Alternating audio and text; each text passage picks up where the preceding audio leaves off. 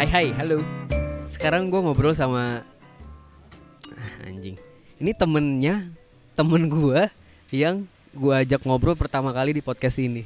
Dia personil band, dia eh, pebisnis, dia eh, anak gaul, dia eh, guru ngaji. Wah banyak banget dah. M Dani Azari. Halo, apa kabar? Apa kabar? Apa kabar? Gue udah kayak penyiar radio gak sih? Bapak kan emang penyiar radio. Kita pernah siaran, Pak. Iya, cuman kan ya gue amatir lah. Lebih banyak muterin lagu. Siaran radio dari datang sampai pulang, penyiarnya juga yang beresin, buka rolling door, ngambil kunci di eh, ventilasi, nyalain listrik, nyalain Sampai komputer mati. anjing, nge-lag. Terus itu Taida radio eh ngambil lagunya dari mana? Dari YouTube. Apa gak dari gudang lagu lu? Apa MP3 bu kali ya? Apa ini? Web trick. Bang kata gue ini orang lagunya banyak banget ngambil dari mana? Download download. Dari YouTube sih biasanya gue download downloadin satu-satu.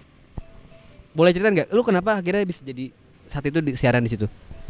Nggak tahu ya, gue cuman kayak ditawarin teman gue, eh lu mau siaran gak nih? Ah, sebelumnya kan ah, itu apa sih apa sih namanya itu program teman Program director, program ra- writer program direct, director. Program direkturnya itu teman gua kan. Cuman kayak ah, teman gua tuh udah nggak di situ ya udah gua gantiin. Jadi kayak ditawarin dan lu mau ngisi ini nggak? Oh ya udah boleh. Gua kan boleh boleh aja ya padahal gua nggak ada basic buat siaran. Ya udah tuh gua gua siaran terus nah karena gua kurang pede gua ngajak teman gua Paksi. Lo tau lah ya kan? Terus pada saat kita mau siaran si Paksi ngomong kita nggak boleh pakai nama asli nih. Oh yaudah nama apa nih? Yaudah lu nama lu Dani Dono ah kalau lu apa? Gue pasti paksi tampol kata gue ah ini ngaco nih siaran apaan nih? Nah terus datanglah momen ketika kita siaran pas hari keberapa hari kedua apa hari ketiga ya? Jadi kita tuh kerjaannya cuma nyetel lagu nonton Indone- eh, Indonesian Idol om. Tapi yang cilik. Tahu gak sih kayak nge-reaction gitu? Pas lagi nge-reaction gitu si Paksi kan nontonin itu mulu ya. Gue yang ngomong gue ngomong haho haho haho. Tiba-tiba oke kita setel ya set. Lagu masuk nih. Tet mati tuh. Bek. Ngejeplak. iya. Bek. Dan gue panik. Gue ngomong eh kenapa nih komputer? Eh kenapa nih? Kenapa nih? Udah terus gue nyalain gue nyalain. Gak lama temen gue nelpon. Eh yang punya radio nelpon. Kok siarannya udahan? Gue panik dong. Ya pak kejepret. Gue gitu kan. Gak lama temen gue lagi nelpon. Dan itu mic matiin dulu. Ah bocor. gue matiin anjir. Jadi ketika gue panik mic itu belum mati. Oh, ini kesimpan di apa? eh, kalau komputer tuh ada power savernya. Jadi siarannya mati. Apa gimana sih? komputernya doang mati jadi lagunya mati kan tapi Tapi mic nyala. untuk siaran nyala Berarti itu masih terpancar di siaran dong. iya Bangsat ini emang. jadi omongan kali ya si Bekasi anjing. Si Dani tolol nih bukan matiin mic dulu baru kayak eh kok mati sih? Gue kayak panik gitu loh komputer mati. ya namanya amatir kan ya. Dan radio juga lumayan terkenal loh. Jangan disebut lah. Ya di Bekasi kan. iya, gue tahu itu. Nah, pertanyaan gua sampai sekarang itu akhirnya si eh, temen lu yang jadi program director director lu itu sempat lu tanya nggak kenapa akhirnya ngajak lu buat siaran? Gue nggak pernah nanya sih, cuman gue kenal dia ya dari kampus. Jadi dia adik kelas gue. Adik apa sih? Junior gue, junior gue. Di bawah gue satu tahun. Terus dia kerja di situ dan kebetulan program itu lagi kosong, dia ngajak gue kayak gitu. Kebetulan karena dia ngomongnya karena gue punya BMI dulu. Oh, Bekasi Musik Indomaret. India apa? Ya, jadi eh, ya mungkin salah satu juga alasannya kenapa lu diajak karena dulu lu jadi vokalis band. Apa nama bandnya? Sweet of Tragedy. Apa sih? tragedi ya bikin merchandise merchandise gak jadi. Ah, nggak jadi. iya nggak jadi pak. Gue ditipu orang. Tapi udah bayar. anak-anak udah bayar. Terus balikin dong ya? duitnya kan dibawa kabur. Jadi anak-anak nyangkai gue gue yang bawa kabur duitnya. Lu kali. cuman udah diklarifikasi udah benar. Jadi memang dia yang ini merchandise jadi. Si yang buat merchandise ini dia ngejual. Tapi royaltinya nggak ke kita. Ibaratnya kita modalin nih dia jual. Udah kita nggak dapat apa-apa Apakah jangan-jangan dari kejadian itu akhirnya lu sekarang pebisnis konveksi? iya nyambung sih bisa jadi Tapi eh, yaudah kita ngomongin soal band. Siapa yang namain Sweet of Tragedy itu? Sweet of Tragedy itu sebenarnya member asli tuh si Kipli sih. Lu emang bukan member asli? Gue cabutan. Dulu vokalisnya bukan gua, dulu vokalisnya si siapa? Albert, tapi udah meninggal. Oke, ya ya ya ya ya ya. Lu oh diajak lah. Diajak sama gue dulu diajak sama siapa ya? Sama Kipli deh. Diajak sama Kipli, terus gua masuk, kita ngeband ngeband ngeband sempat kayak ber, berapa kali ya gonta-ganti personil gitu. Oke, ini yang lagi dengerin Kipli itu Avan yang di episode pertama gua. Yang jadi bahan cengennya adalah kalau dia manggung keyboardnya gede cuma pakai dua jari. itu tai sih. itu beneran apa bercandaan dong sih? Ngomong kosor. Boleh lah. Iya bener om. Jadi dia nih keyboard gede nih. Pokoknya dulu dulu kan kita kalau zaman ngeband kan jarang banget bawa alat ya. Nah kayak gitar gitu pak. Paling ya gitar kita bawa lah. Kalau bass kita nggak bawa. Mic biasanya udah disediain kan. Drum apalagi snare. Snare tuh dulu kan mahal banget. Jarang banget orang bawa snare. Si Kipli ini bawa keyboard keyboard yang gede gitu om. Ini punya dia kan? Punya eh iya punya dia sih kayaknya. Punya dia itu. Dan gue dia tuh nenteng tuh naik vario beracunnya dia tuh. Wah dipegangin ya. Kalau angin kan jadi ke bawah-bawah kan ya. Aji set. Nyampe nyampe manggung dia mainnya cuma gini om. Anjing dua jari. Tonen tonen tonen tonen tonen tonen abis itu ngelempar stiker kata gue iya anjing gabut nih orang. Sialan. Maksudnya akhirnya kan gua gua kasih tau kan cuy lu gimmick aja cuy pencet apa ke tapi lu kecilin aja gitu kan. Maksudnya biar kelihatan keren aja gitu Tapi kalau ya nggak masalah sih kalau pakai dua jari dong. Tapi kalau mainnya bagus dan emang nyambung, ya maksudnya bertalenta lah. Iya nyambung nyambung. Cuman ada waktu itu om. Ini lo- kondisinya keyboard dia ini lagi kenceng banget ya. Dia sampai pencet om. Harusnya tonen tonen tonen jadi tonot tonot. Aduh, ya shout out buat Kibli. dia malu sendiri sih. Gue kaget. Waduh mana po- posisinya gede banget kan itu. Soundnya kan. Anjing. Itu lucu sih. Gue pertama kali nonton lu kayaknya waktu pas di, di Adika cuy, yang sama anak-anak ada Endoy, ada Cocip, ada Tegel juga, ada Ines dan lain-lain. Itu kayak gue motoin juga deh kalau nggak salah. Sama Encek, Encek main bass ya kan. Lu nyanyi, iya, itu ikat banget gue di Adika. Itu ulang tahunnya Dika kalau nggak salah ya, tahun jam Yang malamnya kita main hipnotis hipnotisan ya. Iya. nah, gue tanya deh, saat itu lu memang eh demen di musik atau ternyata lu cuma penikmat musik atau lu juga udah ngeband juga makanya eh, akhirnya lu jadi vokalis. Gue belum pernah ngeband. Eh pernah pernah ngeband tapi kayak latihan-latihan doang. Tapi kalau misalkan manggung itu panggung pertama gue sama si Sweet of Tragedy. Dan itu manggungnya di acara kondangan. Gimana sih ini band band metal kan? Band metal yang growl band kondangan. Temen lu yang kondangan? Atau jangan-jangan ya Kondangan siapa om? Tapi yang isi emang orang-orang eh, apa maksudnya yang metal-metal juga musiknya gitu. Cuman kayak gue di situ masih nervous kan gue kayak nyanyi di belakang drum aja tuh. Terus gue ngomong-ngomong malu cuy gila masih demam panggung banget. Oke, lu bertahan berapa tahun tuh eh, untuk ngeband di ya yang ngomongin Sweet of deh, ngeband Berapa ya gue nggak ingat lagi. lulus S, lulus SMA kelar udah apa kayaknya masih ikut-ikut festival ya lu di Wiskul terus di eh di mana Doremi terus eh iya kan Doremi kocak juga tuh si Kipli tuh. kenapa dia ini kayaknya banyak banget cerita dah kalau gua kemarin dia kayaknya dia nggak main Dia bawa, bawa- lu tahu kan kalau bawa keyboard dia tuh gede banget kan. Bawa vario dia nih set. Pokoknya perjuangan lah bawa keyboard itu. Sampai sana keyboardnya nggak bisa nyala om. Dia nggak manggung dia nonton. Serius serius. jadi mungkin yang kalau ngebayangin keyboardnya itu keyboard dangdut yang gede kan? Keyboard dangdut eh bukan dangdut eh, besar lah. Nggak nggak nggak kayak keyboard dangdut lah maksudnya itu udah kayak ya bagus lah. Niat gitu kita bawa alat. Cuman kasihan banget gitu dia udah bawa, -bawa keyboard kan di sana dicolok nggak nyala dia nonton akhirnya. Anjing. Lu kenapa nggak nyebarin stiker beli? Jangan nonton. Dia, dia bagian nyebarin stiker, iya. Karena dia nggak main, dia bagian nyebarin stiker. Jadi kalau eh, ya buat yang dengerin nih eh, hidup di zaman itu tahun berapa itu ya? 2008 ya? 2008 2007 lah SMA cuy. Iyalah. 2000 2007 2008. Ya lulus 2008. Iya 2008 bener. ya lulus lulus tahun-tahun itu tuh kalau eh, ada acara band tuh pasti yang dicari stikernya bang stiker bang ya Pasti, pasti. Nge-share tiketnya masih banyak kan dulu. jadi berapa tahun eh, don lu bisa bertahan di ngeband musik gitu-gitu Gue terakhir kayaknya ngeband tahun 2013 deh. Karena kan gue kuliah kan 2012.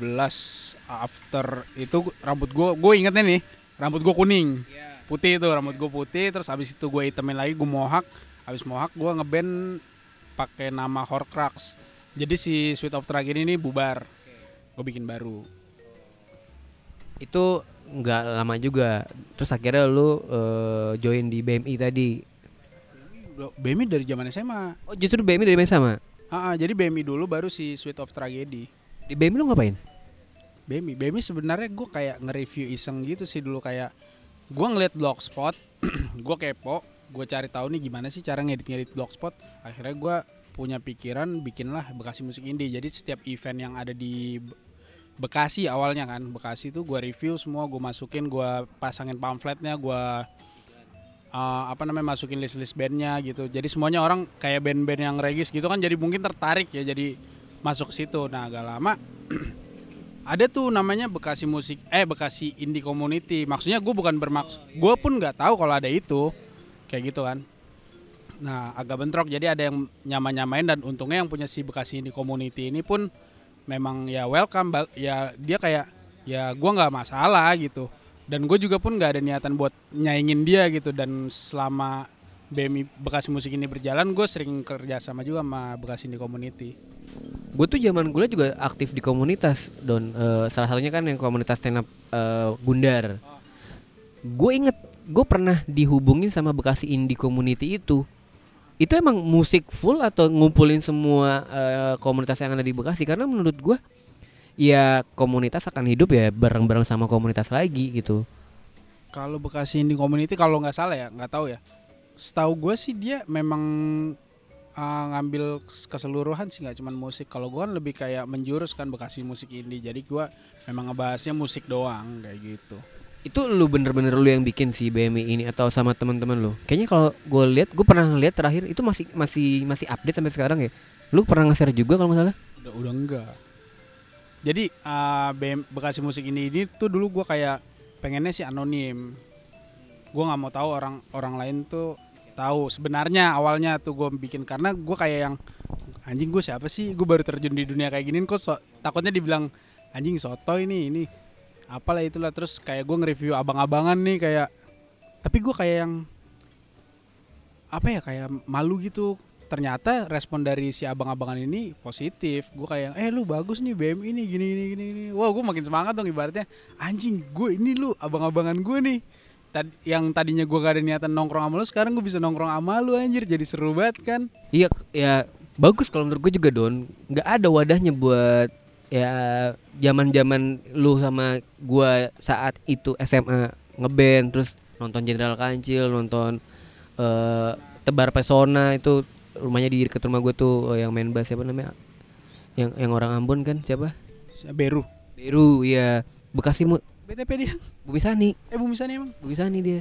Ya ada wadahnya jadi ya zaman gitu kan kita ngeband band-bandnya band-band gak terkenal kan kayak ya band-band sekolah doang yang dari tongkrongan ke tongkrongan dari eh, acara musik acara musik. Ada namanya ini kan eh, istilah regis band regis. Ada band regis terus ada yang emang eh, lu diajak buat ngisi gitu kan? Iya iya ada. Kayak dulu tuh Regis ah, apa apa bahasanya? Share tiket nih lu kalau kan kalau misalkan zaman dulu tuh lu kalau ngebandnya malam udah lu keren lu. Terakhir nggak terakhir yang penting malam abis maghrib oh iya karena ada mulai dari sore Ah, jadi ah, orang yang nonton tuh biasanya datang datangnya rame tuh abis maghrib kan. Jadi kalau misalkan lu mau main abis maghrib, ya ibaratnya kayak nyogok lah sebenarnya. Cuman bahasa halusnya lu ngejualin tiket lebih banyak gitu. Jadi kayak banyak-banyakan jualin tiket. Nah waktu dulu tuh gue sempet sampai share tiket. Kalau gue sih paling banyak 50 itu yang Yadika doang. anaknya Dika doang. Gue tuh inget banget eh kayaknya gigs pertama gua zaman SMP apa SMA? SMA kelas 1 itu di Dromotora, Don. Parah. Itu di Bula Kapal kalau anak Bekasi tahu, pinggir jalan.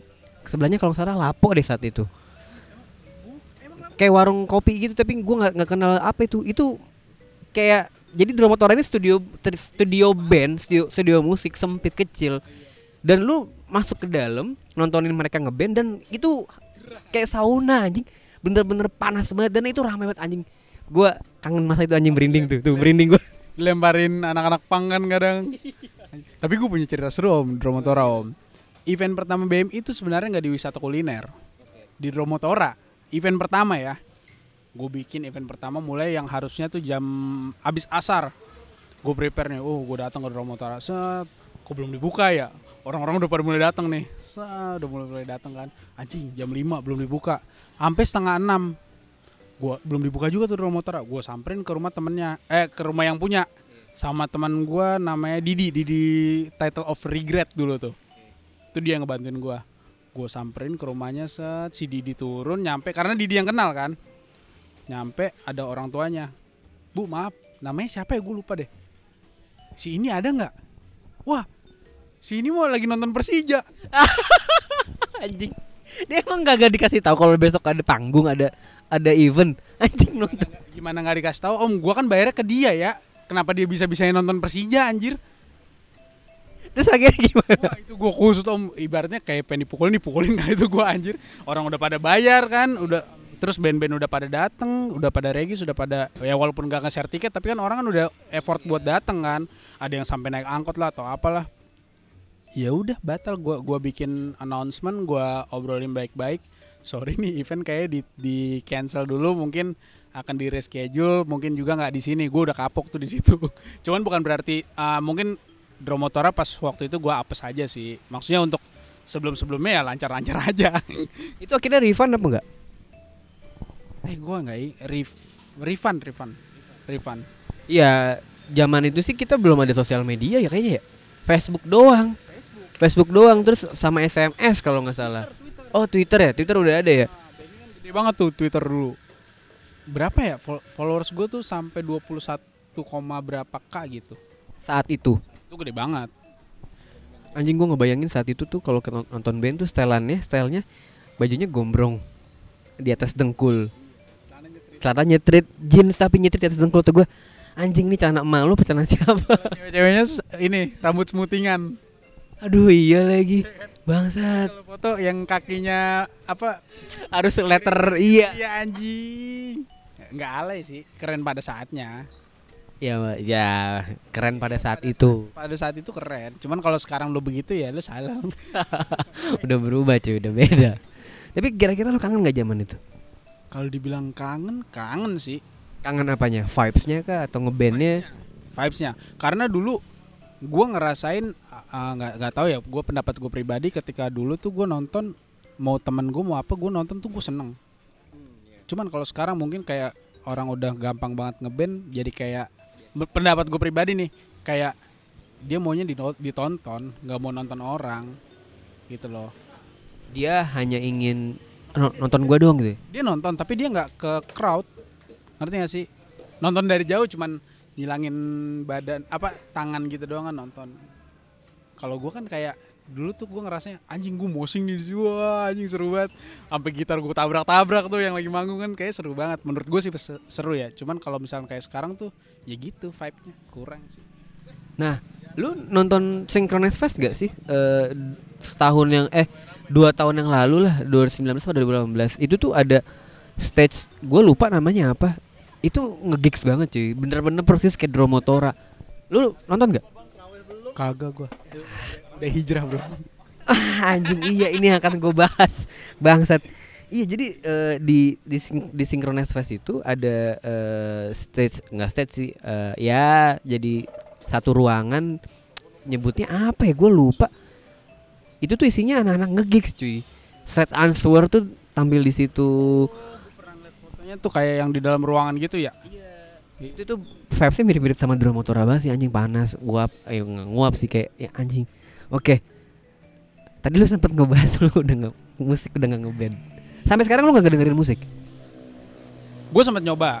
Awal-awal awal-awal gue belajar ya maksudnya gue sempat nyoba cuman kayak eh, mungkin dikurangi ya bukan bukan ya gue nggak munafik lah gue masih dengerin anjir. Bohong gue kalau nggak dengerin. Gue kadang di mobil masih dengerin terus ya kalau misalkan untuk hukumnya ya terserah nih. Ini kan dengerin yang dengerin banyak ya.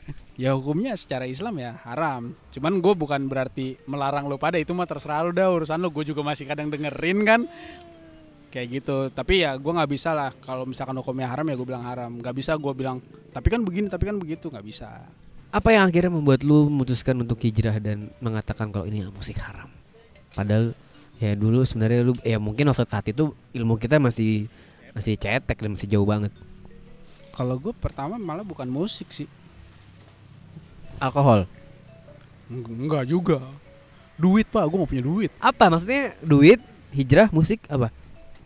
jadi gue waktu itu dulu eh, berapa tahun yang lalu ya gue kerja di bank tuh Saya korban bapak. Bapak nawarin kartu, bayar berapa?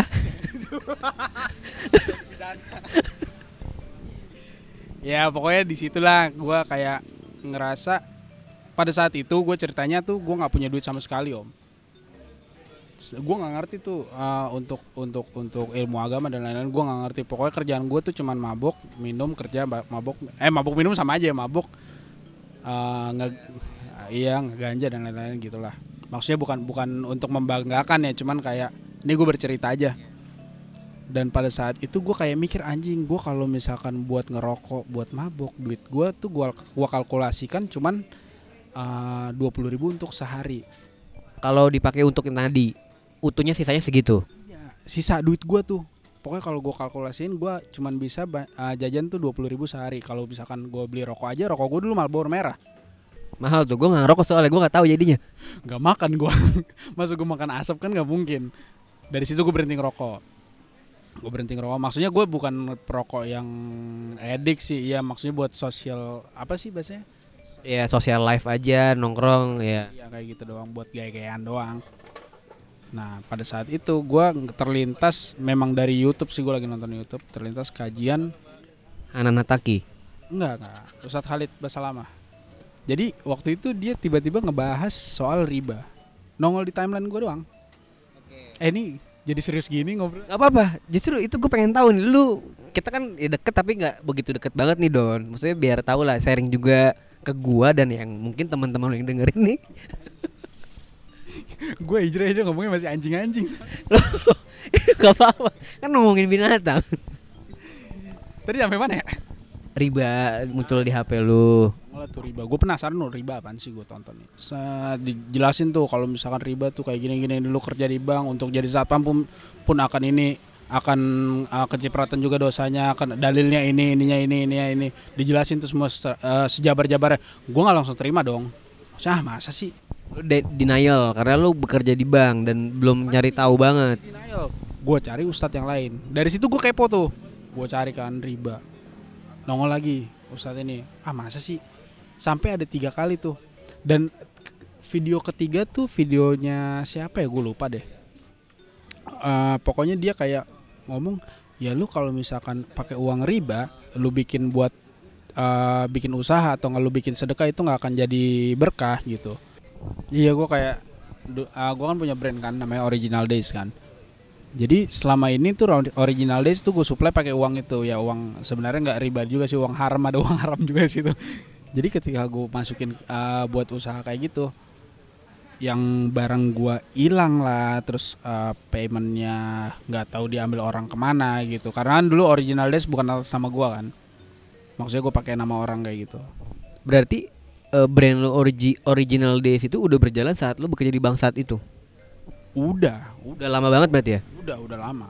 Terus gue kayak relate gitu kan "Ah, anjing gila gue makin makin ke situ kan makin gue perdalam dong. Gue kayak ya mungkin pada ya pada saat itu gue memang kayak nonton ceramah dari YouTube karena memang ya gue bingung gue mau ngaji di mana anjir. Gue gue tonton gue tonton tiap malam tuh gue tonton sampai pada akhirnya gue mulai doyan denger murotal. Gue denger murotal. Sementara kosan gue kan dulu tempat begitu ya. Tempat apa nih? Gua nggak tahu. ya tempat berbuat dosa lah. Pada saat itu. Pemujaan, pemujaan. enggak enggak enggak nyampe muja anjir. Gue nggak segitunya. Ini ngajak cewek. Ah, mak gue nonton denger ntar nih.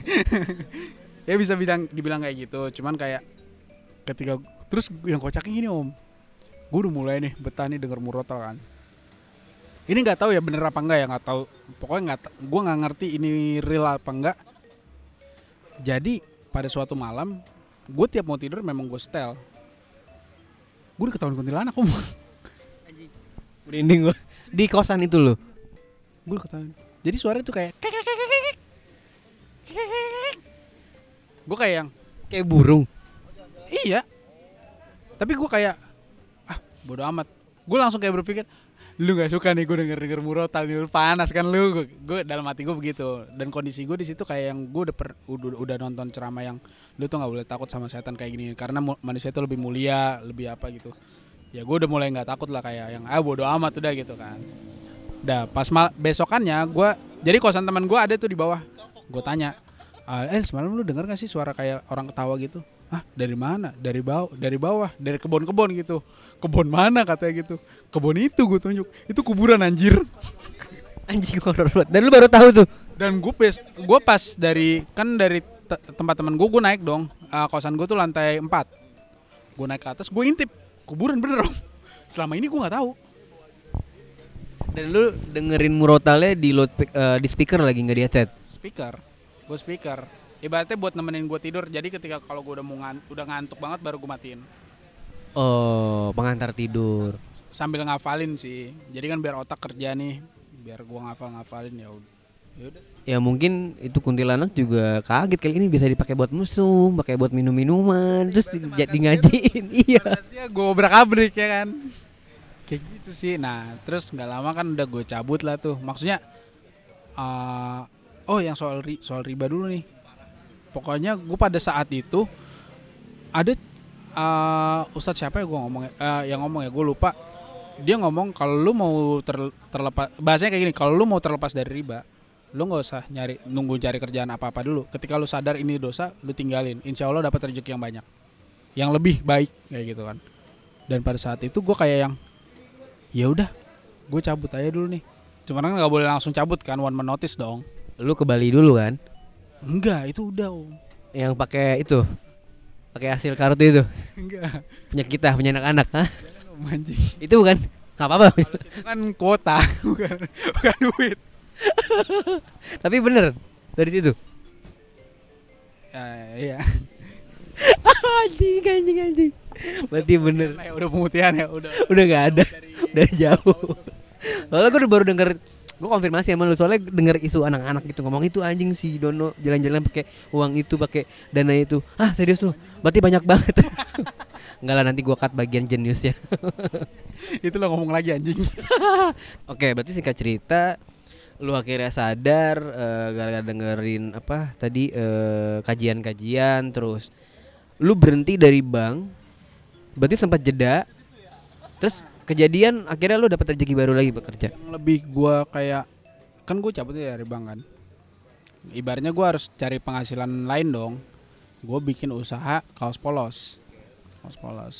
Jadi da- dari uang itu nggak uang dari bank jadi payment jack cloth sebut brand nih.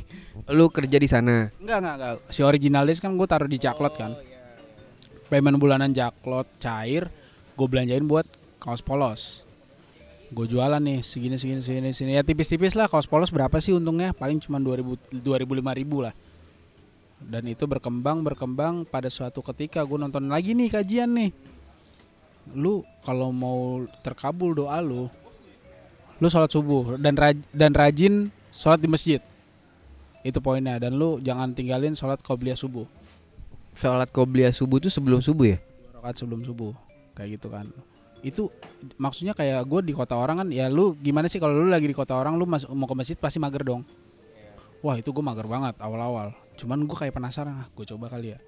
Sekali dua kali. Gak lama orderan dari lu tuh. Serius? Serius bro? Lu mau tau nggak orderan dari lu tuh?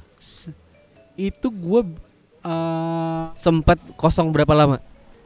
Wah bukan kosong om. Gue utang om di mana mana om kartu kredit gue caur. Gue tiap hari mabok anjir. Nggak nggak gesek apa namanya eh, saldonya udah habis gue gestun lah eh, itu lu saat itu bukannya udah hijrah juga?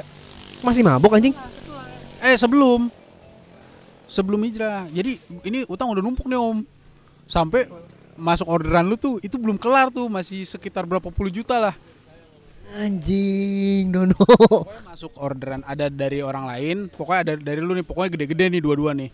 Ketika itu langsung gua gua niatin ini abis pokoknya eh, ini cair. Gua kelarin nih kartu kredit gua potong nih kartu kredit gua udah gua nggak mau main kartu kredit lagi. Dan benar itu pas gua berdoa ketika baru dua kali gua sholat qobliyah subuh secara dua hari berturut-turut dikabulin.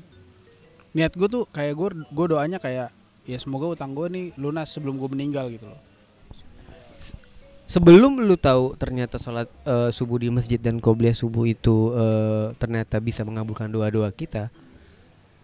eh apa yang membuat lu akhirnya lu mau coba? Apakah apakah lu percaya dari kajian itu atau emang lu yakin ah masa sih atau atau sekedar penasaran aja? awal penasaran lah pasti kayak ibaratnya kan di sana dijelasin kayak nih sholat qobliyah subuh nih ada dalilnya begini. Ah, terus kayak ah, sahabat juga contohin seperti ini seperti ini. Terus kayak cara berdoanya seperti ini. Gue praktekin semua ah masa sih? Gitu loh kayak ibaratnya gue baru tahu gue ingin mencoba gitu loh kayak ya gue coba deh. Kejadian om. Itu itu keajaiban sih kalau ya anjing kalau dengar cerita lu terus tiba-tiba langsung dapat orderan. lu kalau kayak gitu makin yakin gak Yakin sih, gue makanya nanya nanya lagi nih, apa nih yang membuat lu akhirnya penasaran? Apa emang emang bener kejadian gitu? dari situ gua cari lagi om. Ini cara gini gimana cara gini gimana. Dan itu rata-rata works. Maksudnya nggak ada beberapa yang memang nggak langsung dibalas ya. Cuman mungkin ada jeda waktunya dan itu akan terbalas kayak gitu. Makanya kayak sekarang pun gua eh, kayak ya udah nggak nggak mikirin banget lu nggak kerja nggak punya duit bukan konsep kayak gitu kayak ya rezeki itu emang udah ada yang ngatur tapi bukan berarti lu kayak yang males-malesan di rumah gitu lu tetap harus cari dulu nih lu harus berusaha kalau lu nggak berusaha ya rezeki juga nggak bakal datang kayak gitu ya, buktinya kayak sekarang kan gua alhamdulillah ada aja buat ngopi-ngopi masih ada Anjing anjing anjing. Tapi gila sih perjuangan lu. eh, anjing lu ngutang sampai puluhan juta. Terus kartu kredit. Buat apa mabok ngajak cewek? Ngeklub apa gimana sih? tiap malam kalau nggak punya duit gue sobat orang kaya. Eh minum ayo. Ah, nggak punya duit udah gue yang bayarin. Padahal gue nggak ada ba- gue bayar pakai kartu kredit anjir. Seorang kaya sobat orang kaya gue anjing. Hanya demi sosial doang itu. iya. Dan sampai sekarang akhirnya lu masih sering nonton kajian-kajian. alhamdulillah masih. Waktu itu gue udah mulai kayak datang ke masjid-masjid kan cuman gak lama kan nggak lama gue kerja di airport di bandara agak jauh. Dan ketika gue pas pengen ke sini kan mulai pandemi mulai covid. Nah, eh lu cabut dari bank terus eh, bikin usaha eh, kelatingan terus lu bikin usaha baju polos tadi terus akhirnya lu kerja lagi nih. Ya kan? Di yang airport tadi eh itu maksud gua apa yang akhirnya lu memutuskan untuk kerja kantoran lagi? Atau memang itu adalah seni bertahan hidup karena lu nggak punya uang atau ada peluang ya lu ikut gitu peluang sih ibaratnya kayak gue pengen ngegedein usaha gue tapi gue nggak punya modal yang cukup maksudnya daripada gue minjem dari bank kan atau nggak kayak ntar gue kelilit lagi kan udah gue kerja aja dulu buat nyari modal kayak gitu Menarik ya. Anjing, gua baru tahu loh. Kalau nggak ngobrol gini gua nggak tahu loh. Gila. Tapi ya bermanfaat buat gua don. Jadi gua tahu. Oh anjing, gua pakai kartu kredit juga. Tapi gue yang nggak sampai segitunya. Sampai anjing. Mungkin dulu pertama kali gue punya kartu kredit kayak gitu kali. Kayak anjing gue belanjain Indomaret doang pakai kartu kredit.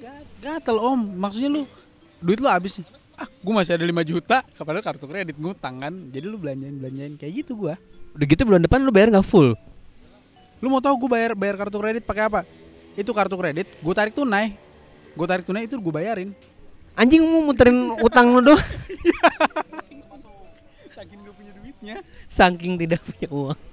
Anjing. bodohnya gue nggak gue nggak nggak nggak nggak mikirin admin adminnya kan gede anjir Admin dan teksnya cuy, bunganya. gue nggak mikir itu yang penting kayak gue yang penting bayar Bangsat padahal sebenarnya ya kalau lu punya kartu kredit terus lu bayarin gak full, yang lu bayarin se- sebagian doang itu lu bayarin bunganya doang. Lu nggak bayarin semua yang total lu bayar, eh lu belanjain kemarin itu. Ya gue kan nggak ngerti om makanya jadi numpuk numpuk gitu kan sampai puluhan juta karena gue kayak gitu Anjing, gila gila. Berarti sekarang udah gak kartu kredit tuh? Nggak ada ya. Nah, gue ngomongin bisnis nih, Don. Eh, gimana nih? Bisnis lu sekarang gimana? bisnis alhamdulillah masih jalan cuman ya agak berkurang lah maksudnya kayak eh apa sih store kan pada tutup kan ppkm ppkm gitu cuman ya masih alhamdulillah lah masih ada online dan lain-lain kayak gitu disyukuri aja Disyukuri aja dan ya gue sepakat juga sih karena lu di bidang konveksi dan eh, clothingan kalau paling gede kan pasarnya ya perusahaan-perusahaan kan. Sedangkan perusahaan-perusahaan mau bikin acara eh, eh, di luar eh, perusahaan di luar kantor atau di mana juga nggak bakal bisa gitu. Terakhir ya itu dari kantor gue ya apa sempat ada lagi? Ah, ada cuman lupa gua yang gue inget lu. Karena lu yang menyelamatkan gue dari kartu kredit. Ya gue juga waktu itu butuhnya cepet juga sih dan jadi pembanding cuy. lu gak tahu ceritanya itu gue ngambil gimana? Jadi tuh gue ada temen gue juga eh, nawarin konveksi juga. Kata gue harganya mahal banget terus aduh parah dah. Kayak lu tau lah itu wah ada sesuatu gitu. Oh. Gue masuk lah. Harganya di bawah dia dan bagus. Ya udahlah nih. Akhirnya goals kan terakhir don. Harapan lu nih untuk 2 sampai tiga tahun ke depan? Entah nanti untuk eh, bisnis lu atau lu pengen kerja atau lu ternyata pengen menikah apa? Apa ya? Paling ya paling deket ya harapan gue tahun depan sih gue nikah dulu lah. Tahun depan lima bulan lagi? Iya awal Januari. Serius? Sama yang tadi lu kasih tau ke gue iya diem diem aja bro. Jangan disebut di sini gak enak. Serius? Anjing nah eh, besok kita akan datang ke salah satu teman kita di pernikahannya. Itu salah satu member dari Sweet of Tragedy juga. Iya lagi anjing. Iya kan? Lu iya lagi gue baru Kipli Adi Suhadi. Besok kita akan datang. Juara a- lomba ajan. Serius? Nggak tahu dia sih ngakunya lomba ajan. Juara si bangsat. Oke berarti harapan lu tahun depan lu eh, mau menikah. Langsung nikah apa lamaran? Langsung aja lah langsung ya? Nggak perlu diket-diket ya? Momen sih maksudnya momen kayak ya gue bisa nggak perlu bayar-bayar gedung kan. Bangsat. Ya kan? Terus paling kalau misalkan untuk usaha dan bisnis semoga bisa gue pengennya sih punya toko sendiri. Maksudnya untuk selama ini kan gue masih ngegandeng jaklot kan. Kalau misalkan bisa sendiri kan lebih enak. Jadi lu nggak nggak nggak mau kerja kantoran lagi nih? Udah, lu bisnis aja, usaha. Tergantung tergantung cuannya kalau gede diajak di kantor ya oke Kalau kantor gua butuh customer service untuk jualan mau? mau om kan dibayarnya pakai emas Enggak dong. Oke, eh terima kasih Don udah mau ngobrol. Semoga ya yang tadi kita obrolin bermanfaat buat gua pribadi dan buat teman-teman yang ngedengerin. Terus terang gua akhirnya kenal lu. Semoga nih eh, tahun depan eh, rencana lu pengen nikah jalannya lancar, diusahakan. Terus nanti ya bisalah bikin toko kan di mana sih? Lu pengennya di Tambun, di Bekasi, Jakarta. Lu pengennya di luar negeri Wah, bagus. pengennya cuman kan ya nggak tahu kita berandai-andai dulu Ya semoga ini jadi saksi ya Kalau ternyata ini kejadian 2 sampai 3 tahun lagi lu punya toko di Netherlands Wah Toko baju lu Belan Luar negeri Belanda cuy Netherlands ada kenangan gak enak bro Apa tuh? Gak usah lah udah udah mau nikah bro Gue nggak tahu tapi mungkin teman-temannya Dani yang lagi dengerin tahu. Boleh kasih tahu gue Yaudah Don terima kasih udah datang Kalau ada salah-salah kata mohon maaf ya. Iya sama-sama. Kalau misalkan ada salah-salah kata juga di tadi kita ngobrol ya mohon dimaklumi. Yaudah terima kasih mau dengerin. Dadah